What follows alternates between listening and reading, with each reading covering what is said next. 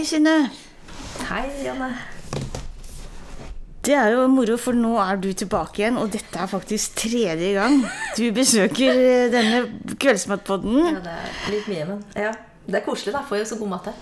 Ja, du, du får Kommer der maten her, vet du. Ja, ikke sant? Det, er- det, er- det, tror du det Koreansk. er koreansk? Ja.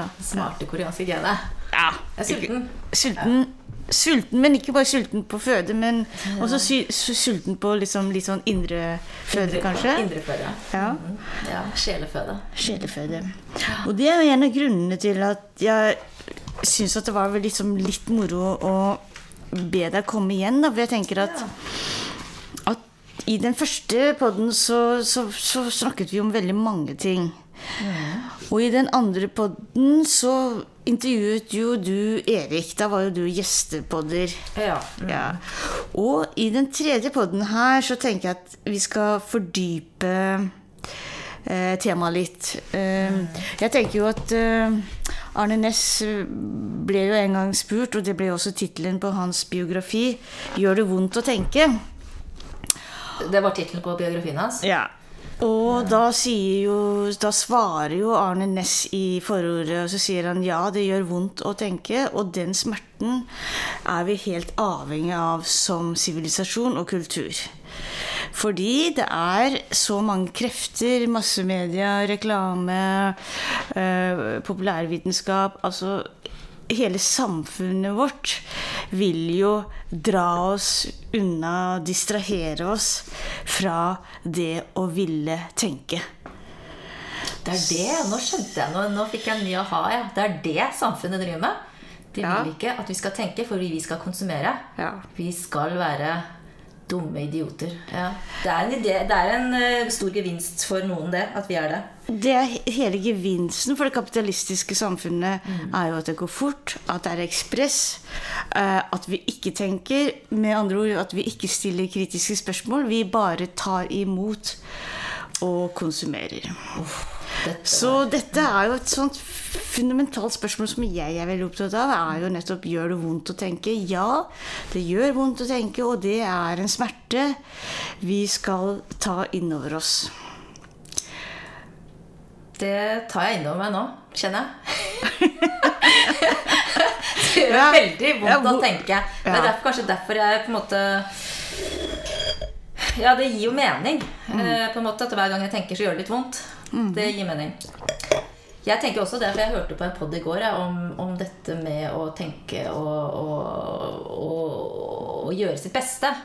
Og ville lære noe og jobbe for noe, arbeide for noe. eh, viktig eh, i forhold til skriving, i forhold til lesning, i forhold til å lære om mennesket, om seg selv og sånne ting. At det er en veldig sånn viktig egenskap da, som eh, som er undervurdert i dag. Fordi, som du sier, eh, eller som du Ja, vi er konsumenter. Og da er det viktigere å, å bare bli oppdaget. Uten egentlig å ha tenkt eller gjort eller utviklet eller lært noe som helst.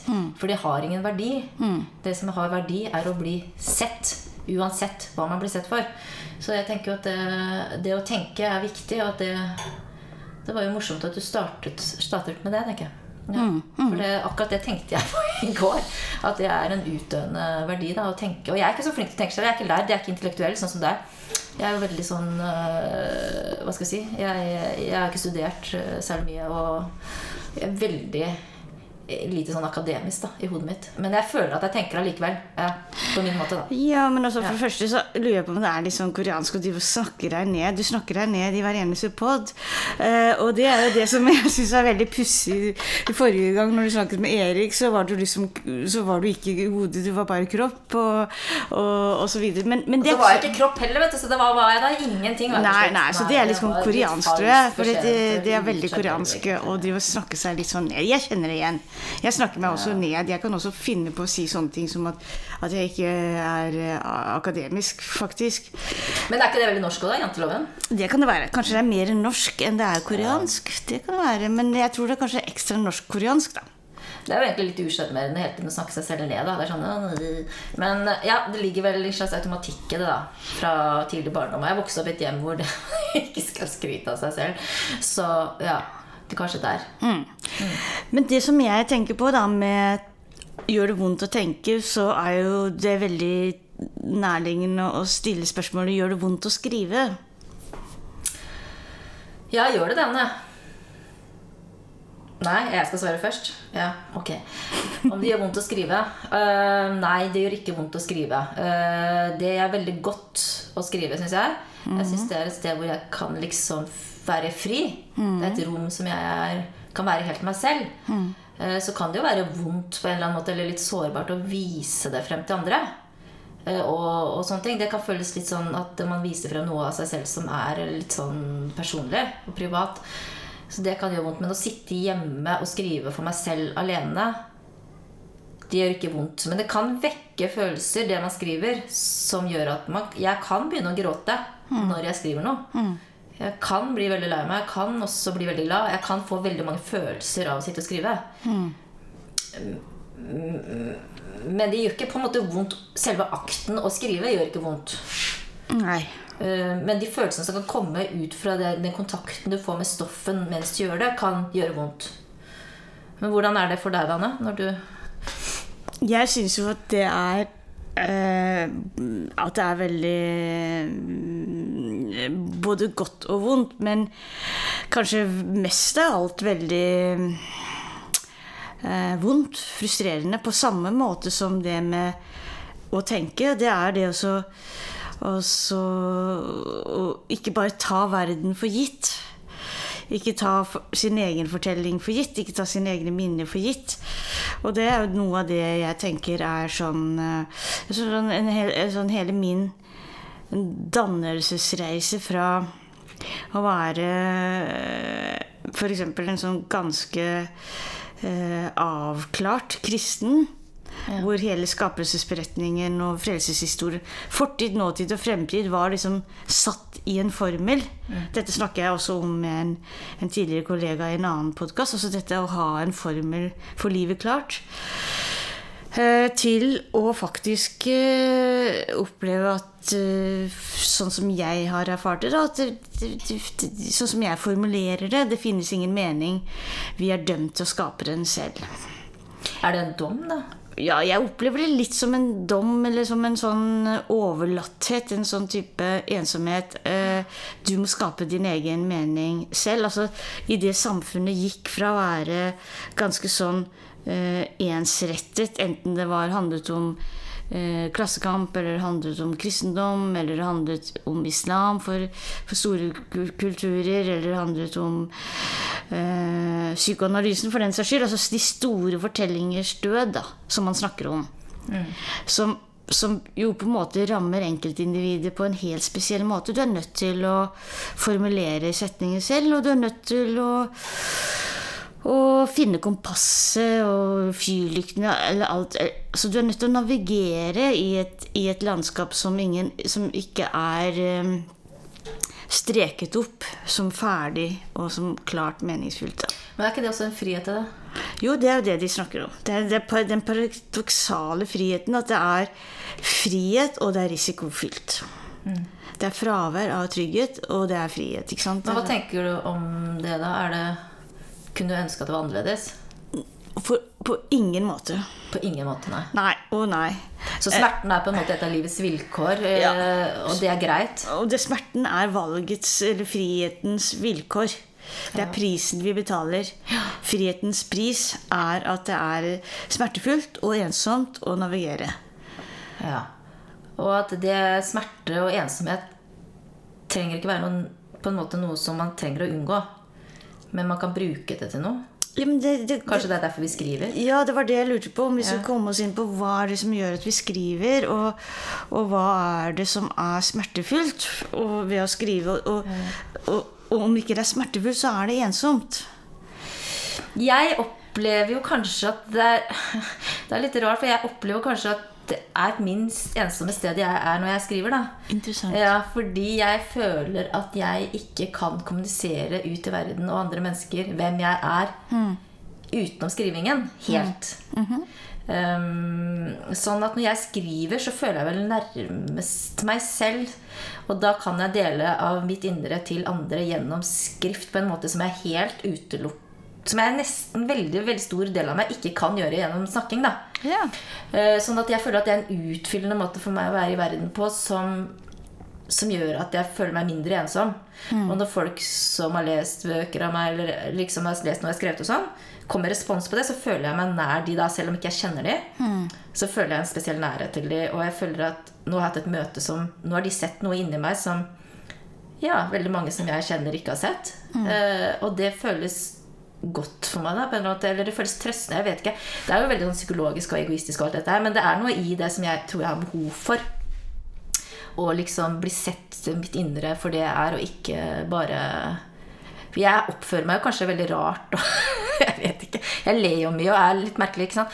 Så folk kan jo tenke 'Å, herregud, liksom, for en ape'. Men, men, men, men derfor så kan det være godt for meg å liksom finne litt ro i skrivingen. da og der kan du liksom ikke eh, tulle og fjase helt vilt. Liksom. Du må liksom ha et fokus, og du må ha en slags struktur, og du må ha en form. Og det, det, det, der finner jeg kanskje en ro til å ha det, da. Ja, ja. Så for meg har skrivingen vært et sted hvor jeg kan være meg på en annen måte enn jeg kan være et annet sted. Det er et eget rom, da. Så når det er sagt, så er det noen annen del av skrivingen som kanskje er frustrerende. og Det er jo dette med at For meg er det også det å bli lest er viktig. Det er ikke det at jeg skriver for skrivebordsskuffen. Eh, og forlagsbransjen kan jo være både og. Mm. Brutal, ikke sant. Sånn at eh, man kan jo Og kritikere kan også være brutale og sånne ting. Sånn at eh, jeg, det, eh, det kan jo være smertefullt å bli dømt og angrepet og avvist og, og, og, og sånne ting av mennesker når du har liksom bydd på noe av det innerste, liksom, og mest smertefulle. Um, det kan være smertefullt, det, men det er en annen del av skriveprosessen. Da. Og det har jeg absolutt tatt mye av, og det tenker jeg er en veldig viktig del av det å være forfatter og bli avvist også. Uh, jeg tenker det for meg i hvert fall har vært en veldig viktig ting. da Jeg kunne brukt det.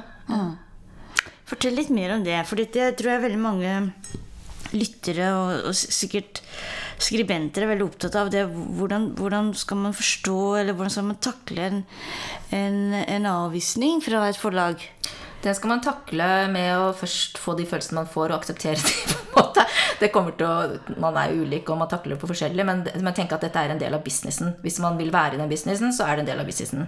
Okay, og det skal man være glad for. Så det, der er du litt sånn nøktern. Det er veldig nøktern. Det, hvis du har lyst til å være i den businessen, må du tenke at det er en del av businessen. Ehm, hvis du har lyst til å være en del av det over sikt på tid, da. Ja. Hvis det er én bok du har lyst til å gi ut, og det var liksom li liv, og, og det var den historien du har, og det er den, det, så, kan ta, så blir det noe annet. Mm. Hvis du tenker at du har lyst til å fortsette å gi det, og sånn, og har lyst til å gjøre det, så må du ha et pragmatisk forhold til det. Eh, men jeg tenker jo at uh, at det er veldig tøft, og det, det kan man ikke unnslå. At det er en veldig tøff prosess, og det har jeg opplevd selv. at det er ganske tøft. Men at man må bruke det ikke til å gå inn i en offerposisjon, men å heller eh, bruke det til å prøve å, å fortsette. Og jeg tenker at for min egen del så har det aldri handlet om å liksom om, om å liksom å bli gitt ut og skrive en bestselger eller hva som helst. Liksom. Det, handler egentlig om bare å fortsette. Så jeg tenker at hvis man blir avvist, så handler det bare om én ting, og det er å fortsette. Fortsette og fortsette og fortsette. Og da til slutt så vil du lykkes. For jeg tror egentlig ikke at forfattere er så spesielt mye mer geniale enn andre mennesker. Eh, Jeg tror absolutt ikke det. Jeg tror at hvis du fortsetter og fortsetter og fortsetter og prøver å lære av, av det du driver med, prøver å utvikle deg, prøver å jobbe med det, så vil du lykkes. Jeg tror ikke det er noe mer magisk enn det. Det har ikke noe med genialitet å gjøre det eh, i de aller fleste tilfeller. Og det har ikke noe med flaks heller i de aller fleste tilfeller. Det handler om en sånn nitidig arbeid å fortsette og fortsette og fortsette. Og fortsette. Og en del som kanskje har vært refusert veldig mange ganger. Det fins jo veldig mange som har vært refusert veldig mange ganger. Så handler det rett og slett om å ikke gi opp. Fordi at man kan tenke at nei, men da fikk ikke jeg til det, da. Jo, det gjorde du, men du må bare kanskje gjøre om manuset ditt. Du kan ikke bare sende inn det samme manuset 15 ganger. Du må kanskje gjøre det om, jobbe med det videre.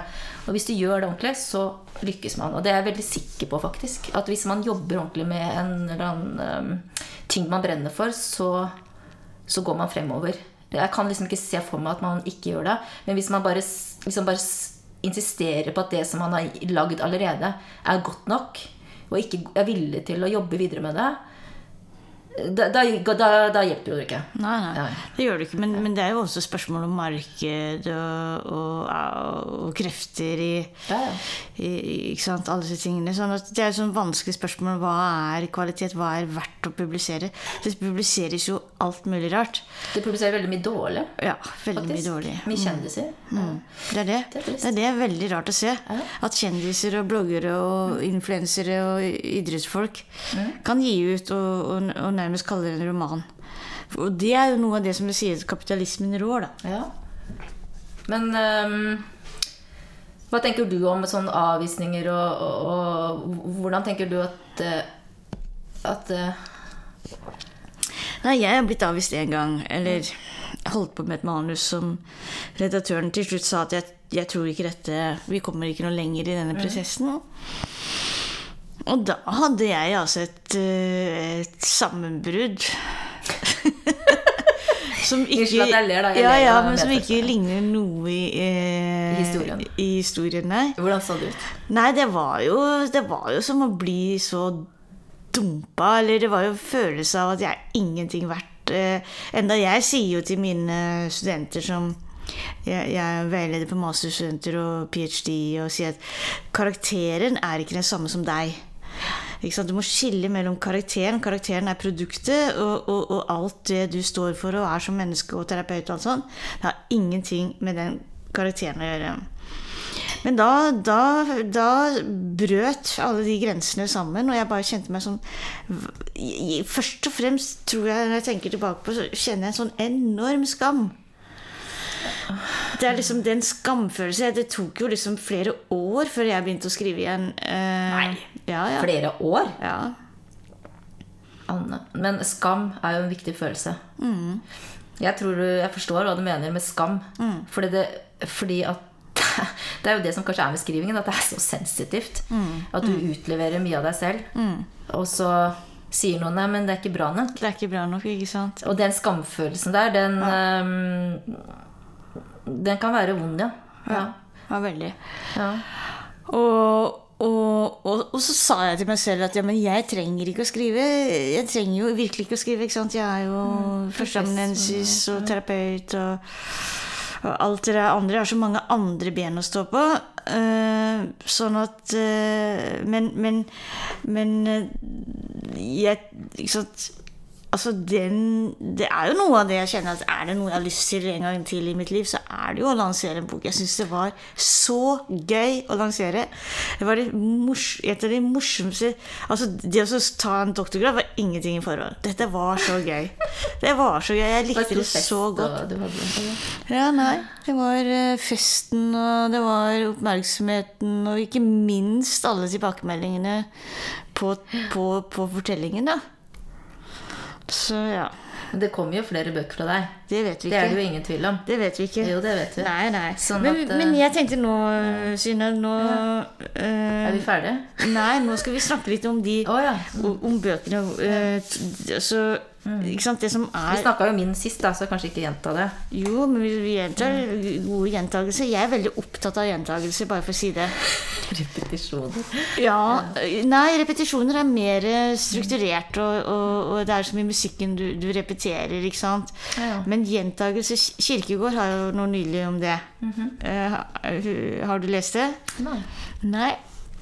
Men han skiller jo på eh, Nå husker ikke jeg de tre fasene, men, men det ene er jo på en måte uh, uh, Altså nyheten, da, for å oversette det. Altså det er at du opplever noe for første gang.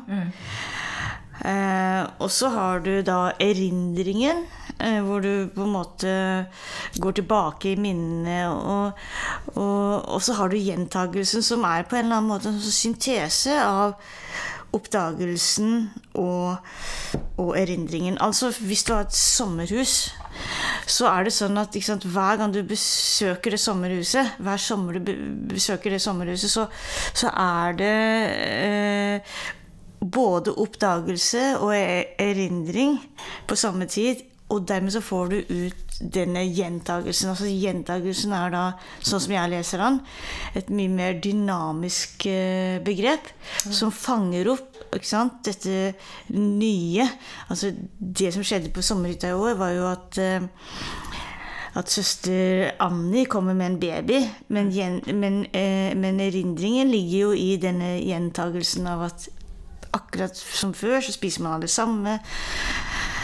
Porselenet og morgenbadet er påbudt, og myggstykker. ikke sant? Skjønner du hva jeg mener? At det er noe til tilhørighet eh, der. Ja, men altså gjentagelse er et mye mer dynamisk begrep enn repetisjon. Ja.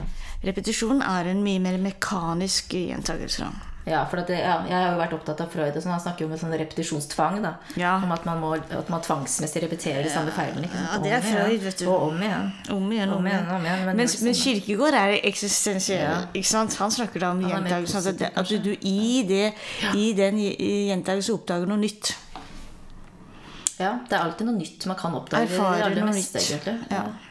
Men du vil snakke om bøkene, ja. For det, du har, jo, har jo gitt ut eh, en Vi har jo begge gitt ut romaner om, eh, om, om Nå eh, Si at vi har hele dagen. Eh, det har vi ikke, Anne. Vi har ikke hele dagen. Vi har ikke det. Det heter boken til Anne. Ja. Og vi har faktisk ikke det. Det ville vært mye. Ja. Men langt på dagen. Ja. Men den med boken den ga jo du ut i 2014. ikke sant? Mm, og den handler jo om, om, um, om uh, adops adopsjon. Mm. Den handler om store ting, egentlig. Om reise tilbake til Korea. Den Mm. handler om død og sorg. Og den handler om kjærlighet. Og den handler Mm. om tilhørighet og biologiske røtter. Og adopsjonsfamilie. Og den handler om mange ting. Mm, Veldig mange ting. Og hun er jo psykolog. Hovedpersonen i boken har mistet søsteren sin. Ja. Eh, så, og den skrev jo du Hva, hva, eh, hva var grunnen til at du begynte å skrive på akkurat den historien? Ja. Altså, den, den eh, sanne historien, vil du ha den? Det kan jeg gjerne få. Den sanne historien var jo at jeg var på et skrivekurs med Helene Uri i, i Praha. Eh, og da hadde jeg akkurat levert inn eh, avhandlingen, tror jeg, og en fagbok, eh, et fagbokmanus. Og tenkte at jeg skulle premiere med meg selv med sånn kreativ skriving, da. Og da var det jo skriveøvelser, og da var det jo en, en sånn skriveøvelse som, som vi skulle skrive, som måtte en måte lage en karakter. Uh, og, og da på en eller annen måte så bare kom denne karakteren da i Sukk, da, som hun heter i, i boken. Fordi at det har vært et sånt det har vært et, Veldig mange har spurt meg hva, hvordan har det vært å være adoptert.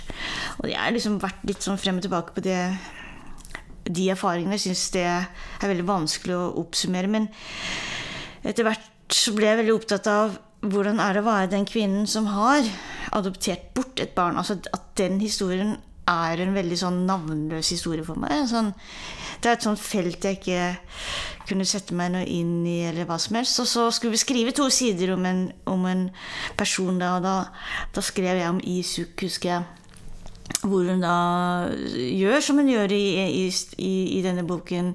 Vi, vi, møter henne når hun står og, og kutter uh, uh, ingefær og, og, og åpner vinduet, for hun hører, vil høre svarttrosten. Og, og, på en måte vi, vi, møter henne i kjøkkenet sitt. Uh, og det, det er jo det var, en ty det var en tekst som da Det ble helt stille når jeg hadde lest den. Mm. Og, og, da sa jo Helene Uri til meg at den, du, du, du, du, kommer til å bli forfatter. Uh, og det, det, tok bare to døgn. Når jeg kom tilbake, så hadde jo da uh, Gyldendal-redaktøren uh, skrevet til meg og spurt om, om det var i orden og at jeg ville komme på et møte og vise noen av tekstene mine. Og der startet de. Jeg hadde jo aldri Og det kan jeg si Pangstart. Ja, pangstart. Jeg hadde aldri med hånden på hjertet kommet til noen gang og levert et uh, romanmanus for, for uh, vurdering. Men du var jo på skrivekurs. Jeg var på skrivekurs, og det er jo flere som innvender også. Men, men den frimodigheten hadde jeg aldri fått hvis ingen hadde sett, du sett meg. på det? Ja, det er jeg helt, helt sikker på. Jeg er helt, helt sikker på Hva det. kommer det av? Nei, men Det kommer av en veldig faglig selvtillit. Og, og det å skrive litterært og prosa hadde jeg aldri gjort før. Så Helene Uri var på en måte en jordmor? En viktig Var nok det. jordmor her. Var nok det. Hun var en god jordmor, da. Ja.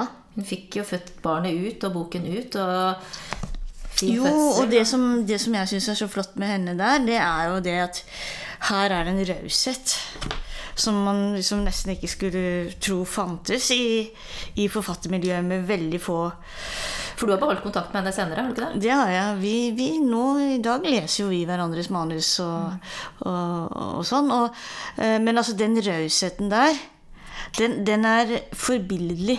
Du tenker raushet fordi hun tok kontakt med Gyldendal? Ja. Altså, Tenker du at det er raushet? Jeg tenker det er raushet, da. For i min verden så er det det at du går rett til Gyldendal, og så sier du eh, Der er det en person som har noe Det er kanskje sånn Raushet i forhold til ja, Kanskje begge Det er raushet til Gyldendal og jeg er raushet til deg, da. Ja, begge deler.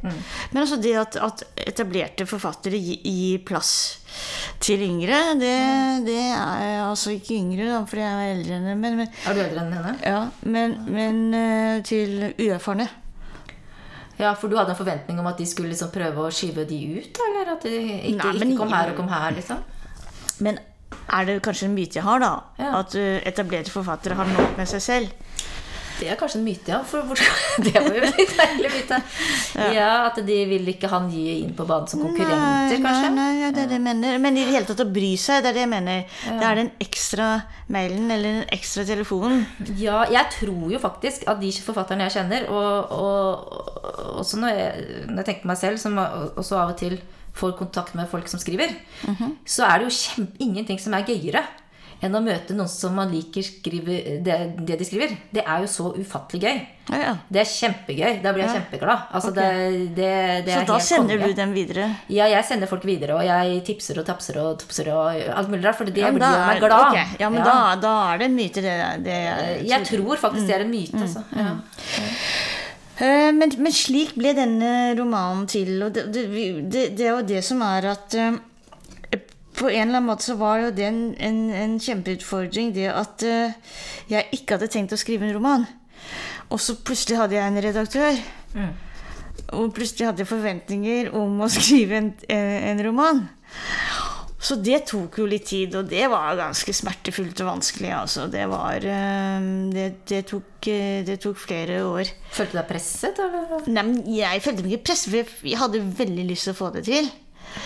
Men jeg skjønte ikke hvordan. Jeg jo ikke, visste jo ikke noe om disse tingene. Og, Hvor mange år brukte du? ja, I hvert fall tre. I hvert fall. Mm. Det skal jo sies at jeg jobbet jo 120 fast stilling. Mm. Når skrev du da? På Mm, Da skrev jeg på, i ferier og på morgener og, og ja, helger. Eh, og mye, mye i feriene, som sagt. Og, og, mm, og det var jo sånn at det var jo ikke før Altså, jeg glemmer det aldri. Altså, jeg trodde liksom at nå Siste utkastet, nå er jeg trygg. Nå er den antatt. Så, så skrev jeg en mail, da. Sånn, er, er det sånn at jeg er antatt nå? Nei. Det er ikke antatt før, før liksom siste side er lest igjen. Og da husker jeg at når den meldingen kom, da var jeg så Altså, jeg var så lettet at det var bare sånn Ja. Hva gjorde du da? Nei, da skulle jeg akkurat til å skrive på Facebook. Og så kom jeg på at eh, nei, det, kanskje jeg må ta en telefon til foreldrene mine. Fordi de visste jo ikke at jeg satt og skrev et manus uh, på den måten. Så da gjorde jeg det. Og, og, og fortalte det at nå kommer det et manus om, om adopsjon, men det er ikke om dere. Det er viktig å presisere. Ja, det er veldig viktig. Men hadde du noe feiring da? Ja, jeg hadde feiring. Jeg feiret, eh, feiret jeg, var, Jeg hadde mange feiringer og alt sånt. En, Du er flink til å feire. jeg er flink til å feire. Jeg er veldig flink til å lage både fester og feiringer og, Ja. og markeringer, da. Anerkjenne det som er bra. Ja. Ja. Jeg er veldig glad i det. det er en fin ting Ja. å liksom ta det inn, da. Ja, nå er det jo det, for nå er det jo sterke og glade minner, da. Som sitter i deg Som sitter i meg. Mm. Så du er lur, egentlig. Ja, nei, men det er, det er helt spesifikke minner. som, eh, som Minner er jo noe jeg Det kommer vi å snakke med en annen Men reiste du tilbake til Korea når du skulle skrive den bok? For det er jo veldig sånn, du lever deg jo inn i både i ekte Jeg kan ikke kalle det ekte, kanskje, men ekte koreanere da, som har bodd og levd i Korea. Du, du går jo inn i hodet på dem og beskriver hverdagen deres. Og du må ha gjort ganske grundig research da, for å komme inn så nært på hverdagsliv og syke og alt. Ja. Hvordan gjorde du det? Nei, altså jeg, ehm, jeg sa vel i et intervju på lanseringsfesten at jeg liker ikke research. Og det er nok veldig sant. Altså at jeg, jeg, jeg syns jo fort at research kan bli veldig kjedelig. Men en av de tingene eh, som eh, Det var jo at jeg altså allerede som ti år Eller er det mer? Kanskje 20 år tidligere hadde reist til Korea alene. Sånn som Rebekka gjorde. At der ligger jo veldig mye av, eh, av researchen ved å hente frem minner. Og så Og så er det jo sånn at Korea og Norge liksom i 2012, da, hvor jeg var tilbake igjen, er veldig like. Altså det er liksom det det det er skjedd, altså Globalisering gjør jo at man spiser det samme takeaway. Altså det er jo veldig lite av det helt sånn originale koreanske og originale norske. Det er liksom mer sånn Men eh, Så det hentet jeg nok litt ut fra filmer. Så mye koreanske filmer og leste koreanske eh, oversatte romaner, da. Mm. Så hentet ut fra kulturen? Fra Ja, hentet det. Men, men, men først og fremst fantasien, da. Ja, nettopp. Ja, ja. Du har god, god fantasi, da. God innlevelsesevne. Kanskje fordi det også er terapeut og Muligens. Eller kanskje det, det, det også er noe Ja. en, du har fått fra lesning, da. For Ja. du har alltid vært en, god les, eller en stor leser. Ja, En god leser. jeg, jeg tenker det. Men jeg tenker at den forestillingsevnen, øh, den er nok ganske sterk hos meg. Du var er sterk forestillingsevne. Ja, ja. Det har jeg også. Jeg tenker, vi snakket jo litt om det med Vi har jo snakket om forskjellige ting, da. Men om dette med at det er jo ganske mange koreanere som har blitt forfattere. Mm. Og adopterte da, i Norge. Men også i Sverige og Danmark. Og i Amerika. Og i, ja, rett og slett i hele verden. Rett og slett Så hele verden. sitter koreaneren seg ned og skriver en bok. Hva er det med oss, liksom? Hva er dette for noe? Er det oppmerksomhetsbehov, eller hva fasen er det? Er det koreansk skrivekløe? Søsteren min, som jeg sk- skrev med, hun, hun er jo også skrivende menneske. Mm. Jinha, som, ja, som ikke skulle si noe som oversetter, hun var jo også skrivende menneske. Koreanere liker jo litteratur. Mm. De liker å lese, og de liker å skrive. Hva er det for noe? Hva tror du? Nei, altså Jeg tror jo at, øh, at, at, at koreansk adopterte liker å skrive og lese. For jeg kan ikke snakke om koreanere generelt, men, men at det er et sånt uh, øh, et sånt ønske er jo litt sånn som hen, så alle de som har skrevet romaner og, og bøker om krigen. Alle de som har skrevet øh, ikke sant? Altså det i etterkant av et brudd, eller noe som, øh, som er en opplevelse som ikke man så lett kan lese om, da. Ikke sant? Altså det er noe av det jeg tenker at vår erfaring som adopterte er utenlandsadopterte fra Korea er fortsatt ganske unike, selv om det er veldig mange som er. Altså det, er et behov for å skrive ned slik man tror det var, og slik man ønsker det kunne være. Det, det tror jeg det er. Akkurat som med krigen. Man blir liksom ikke ferdig med det, eh, det eh, eh, bruddet med det som skulle være normaliteten, nemlig vokse opp i en norsk kjernefamilie. Det er liksom så mye rikdom der. Det er så mye erfaring der, det er så mange spørsmål der, at man har lyst til å utforske det. Eh, både forskningsmessig, men ikke minst litterært. Da. At det litterære er en sånn forskningsprosess som, eh, som gir så mange muligheter til å skrive frem. Eh, og det kan jo jeg si litt om før jeg begynner å snakke om din bok. Altså, en av de tingene som jeg ville skrive frem, er jo, eh, er jo akkurat dette at eh, eh, Jeg ville skrive frem at de koreanske mødrene som ga fra seg barna, eh, ikke gjorde det frivillig, men at de måtte.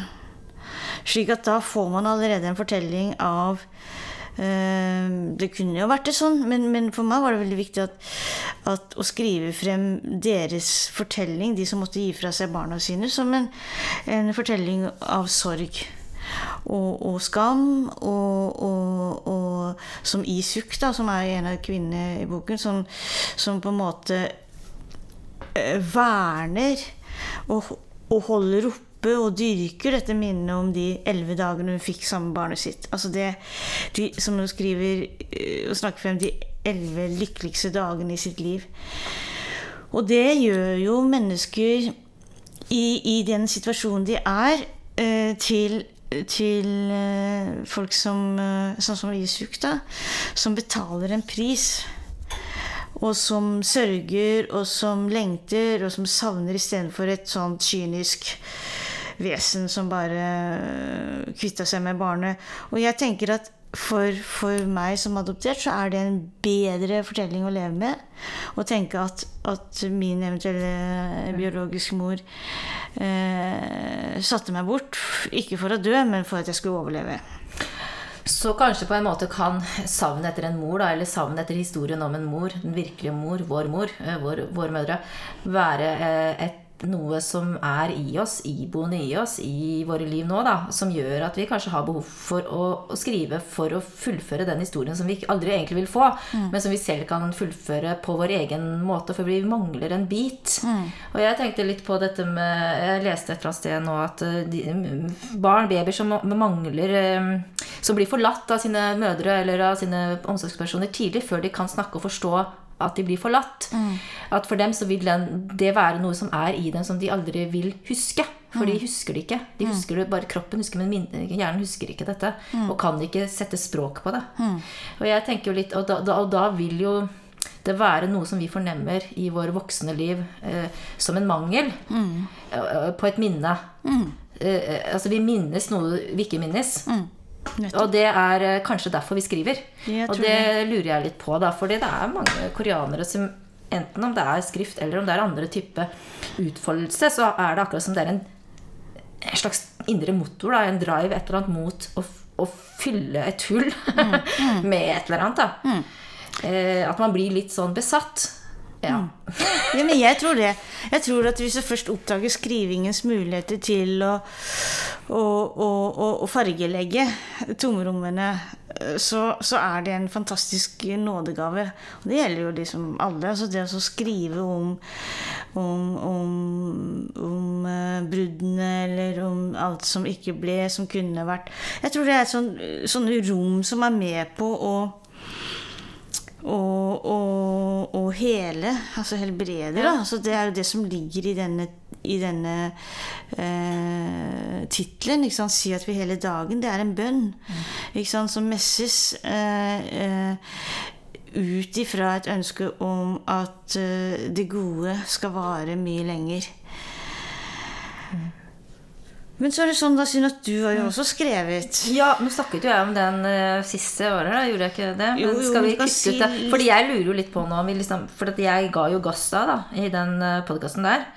Da ga jeg kanskje litt for mye gass. Men jeg tror kanskje um, det står, står allikevel at jeg ikke klarer å oppdrive den gassen igjen. Men jeg skrev også en bok som heter 'Er du lykkelig, søster', som som jeg snakket om i den postkassen, som er en brevveksling mellom meg og den koreanske søsteren min. Mm. Eh, som jeg oppdaget som voksen, 26 år gammel. Og hun er ett år yngre enn meg og lever som businesskvinne der borte. Og jeg, kanskje hvis vi får tid på slutten, leser jeg litt om hennes eh, indre og ytre liv der borte. For et inntrykk at vi er veldig forskjellige, men også veldig like. Mm. Hun liker også å skrive, og hun liker også å lese bøker. Mm. Også melankolsk.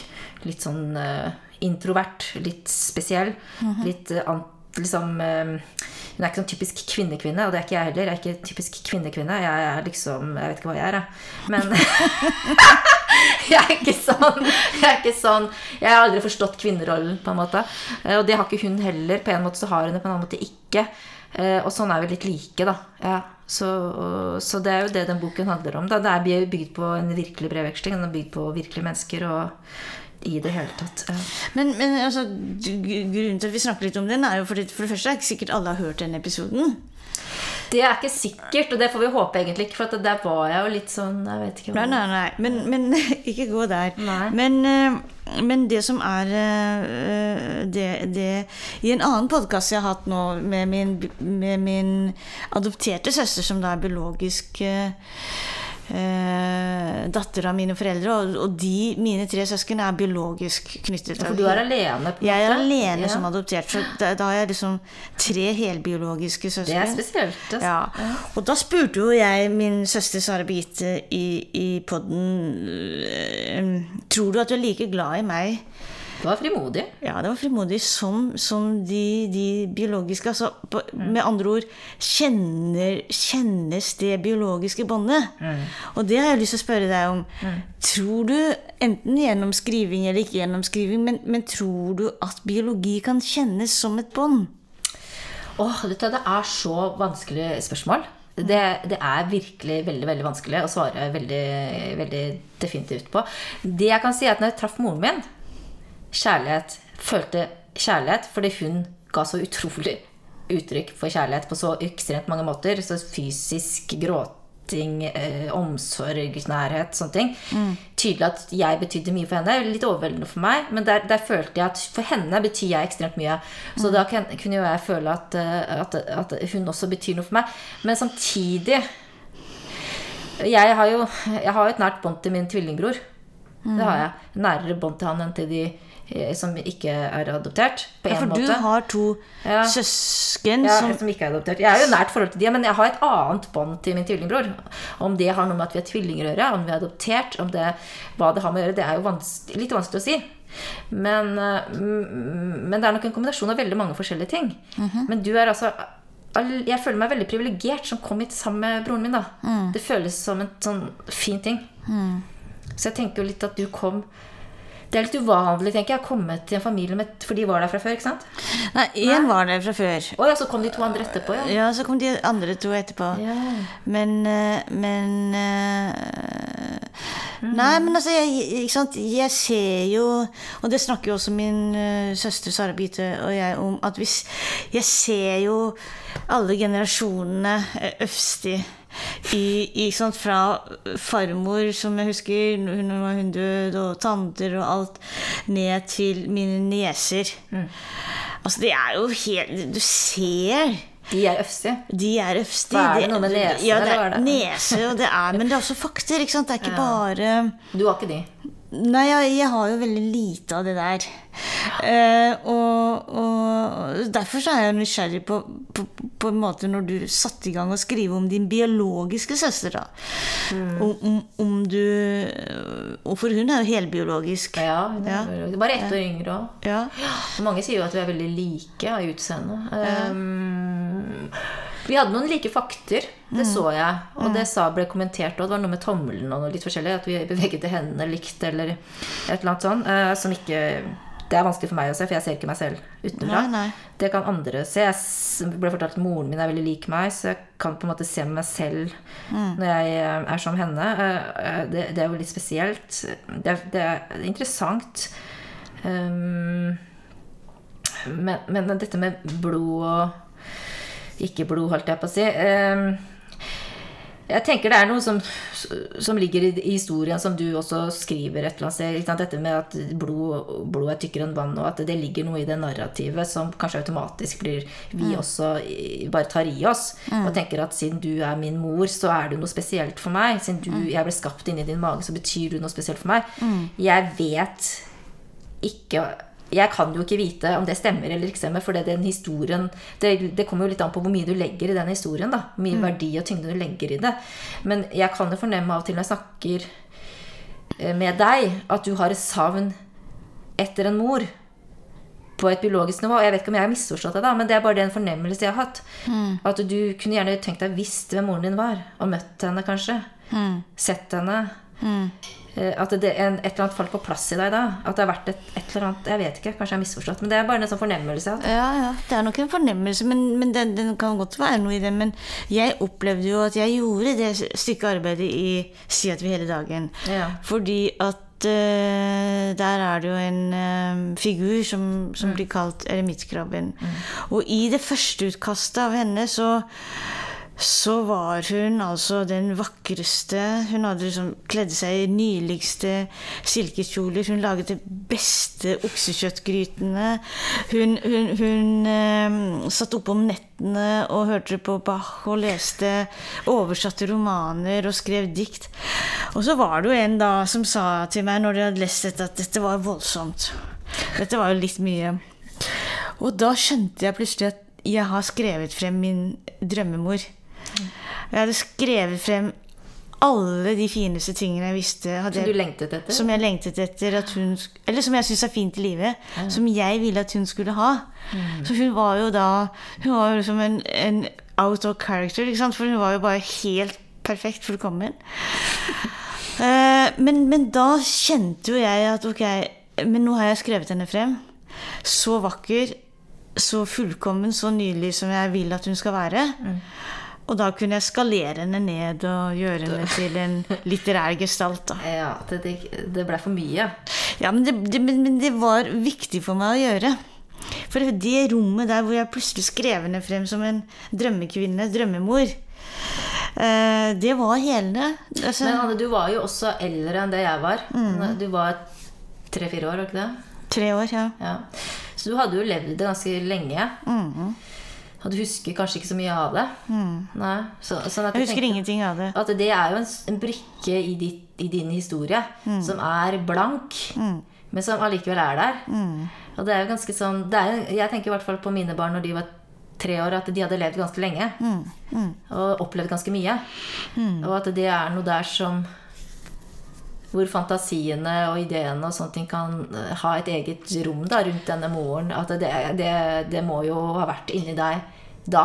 det. Det er nettopp det at jeg tenker at det har vært helende for meg å skrive henne frem så vakker. Så kunne jeg for litteraturens skyld skalere henne litt ned.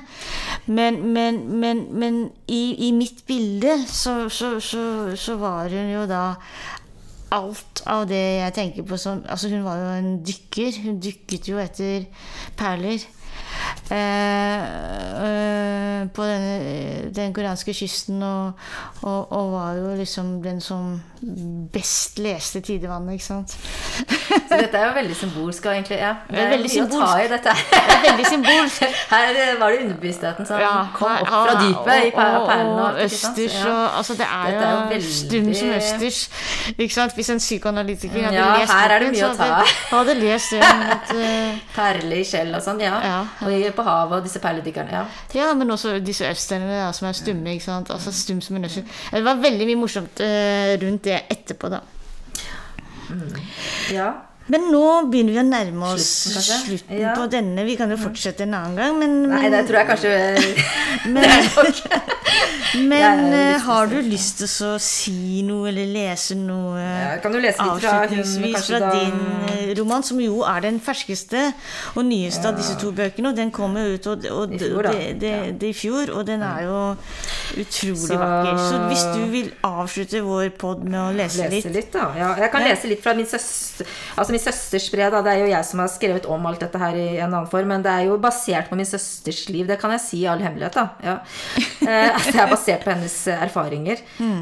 og, Mm. For og du det- fikk reelle brev fra henne? Jeg fikk reelle brev, ja, som jeg har basert mye av hennes liv på da, i denne boken, som er litt annerledes navn og litt forskjellig. Ja. Men ehm, Og det er grunnen til at jeg velger å lese dette, er at hun har på en måte et At det sier noe om hvem hun er som kvinne. da, fordi at i, i, Asia eller Korea så blir kan det kvinner som henne, som er, som er middelaldrende og businesskvinner og ikke gifter seg, ikke får barn og sånne ting, de kalles goldmiss. Det er et fint ord, syns jeg. Goldmiss, det er kraftfullt. De Ta det litt langsommere. Goldmiss. Goldmiss, altså gull, Gull, gullfrøkner. Gulldame. Ja, det er gull, altså. Ja. Altså, de er power. Og okay. det, ja, det er liksom det de kalles, uh, disse damene her. Mm. Så kan du lese litt om henne, da. Gjør det. Jeg tror kanskje jeg er aseksuell, begynner uh, dette avsnittet med, da. Ja, Hva heter søsteren i boken din? Uh, ja, hva heter hun da? Jeg har glemt hva hun heter. Jeg, jeg har faktisk glemt hva jeg, hva jeg kalte henne. Ja, men det er ikke så viktig. Nei, ok. Nei da. Det er greit. Jo, men jeg kan finne det ut. Altså, jeg har litt dårlig hukommelse. Det er liksom Kan vi se mm, eh, Hva heter du? Altså, det er jo Ga Yong. Ga Yong, ja. Ja. Jeg, tror, jeg går midt inn i et brev her, da. Gå inn i brevet. Okay. Og det brevet heter uh, 'Min store kjærlighet, livet er John Lennon'. Ja. Jeg tror kanskje jeg er aseksuell. Menneskene jeg opplever som vakre, er i de aller fleste tilfeller kjønnsnøytrale. Utseendet til Eddie Redmayne fra filmen 'Danish Girl' eller Andrea Payek eller androgyne modeller som Rain Doe fascinerer meg. Mest fordi de bryter ut av manns- og kvinnestereotypene. I Korea har vi såkalte flower boys, yngre menn som sminker seg og er svært opptatt av utseendet. De uttrykker en annen form for estetikk enn den man forbinder med den tradisjonelle koreanske machomannen. Jeg liker at grensene mellom kjønnene er flytende. Jeg er en fantasy-junkie. Det som er realistisk og virkelighetsnært, gir meg ingen tilfredsstillelse. En gang falt jeg pladask for en vin. Da kunne jeg drikke to eller tre flasker med eksklusiv, eksklusiv Bourgeon, Bourg, jeg klarer ikke å snakke engang, jeg, Bourgogne Grand Cru på en uke. I det finnes det en delikat og vakker drømmeverden man ikke kan oppleve i virkeligheten. Jeg har det på akkurat samme måte når det gjelder merkevarer. Jeg ønsker meg et liv der jeg kler meg i en fin kasjmirmorgenkåpe og drikker champagne som Krüg i en femstjerners hotellunsj med perfekt service. En delikat verden av utsøkt kvalitet gir meg en følelse av trygghet. Jeg har en veldig luksuriøs smak, og det har ironisk nok noe med moral å gjøre. Jeg tenker at når man lager noe, må det gjøres ordentlig.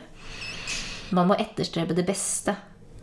Selv om jeg ikke eier en hermesskjerf, et, hermesskjerf, tenker jeg at fargene i et skjerf og systingene i en veske er etikk. Etter å ha betraktet slike produkter blir jeg nesten dårlig av å se en billig, falsk skinnveske som er masseprodusert på en fabrikk. Slike ting står for meg som uetiske produkter, søppel spredt ut i verden for å tjene penger. Selvfølgelig er slike tanker ekstreme, og jeg deler dem ikke åpent med andre. Alle trenger ikke å ha en hermeveske. En enkel og solid canvasveske kan duge. Canvasbagen har en egen verdi i sin beskjedenhet hvis den er vellagd. Men en falsk skinnveske, masseprodusert som kopi av en merkevare, er ondskapsfull. Inni meg tenker jeg at alt som er kommet ut i verden, må ha sin egen originalitet og kvalitet. Jeg liker gode ting, god mat og god musikk, men jeg har ikke spesielt god stil og er ikke forfengelig. Jeg tenker at jeg kjøper ting lagd med god vilje. Jeg velger vellagde ting som klær og vesker etter min smak. Jeg kan kjøpe en merkevareveske selv om den koster 100 ganger mer enn en annen, gitt at den er ti ganger mer forseggjort enn den billige vesken. Dette føles egentlig ikke som et valg, men som en nødvendighet. Handlingen tvinger seg frem fra dypet i min personlighet. Jeg kjøper fine klær og vesker, men kler meg likevel på en la, litt lat måte. Hi-hi, sier hun da. Jeg er interessert i mote, men har ikke lidenskap nok til å sette opp håret mitt og stryke silkeblusen min om morgenen før jeg drar på jobb. Selv om jeg har på meg en Celine-bluse og Hugo Boss-bukser, er det et hint av noe lurvete over meg. Håret mitt er vanligvis bustete, og neglene er av og til skitne.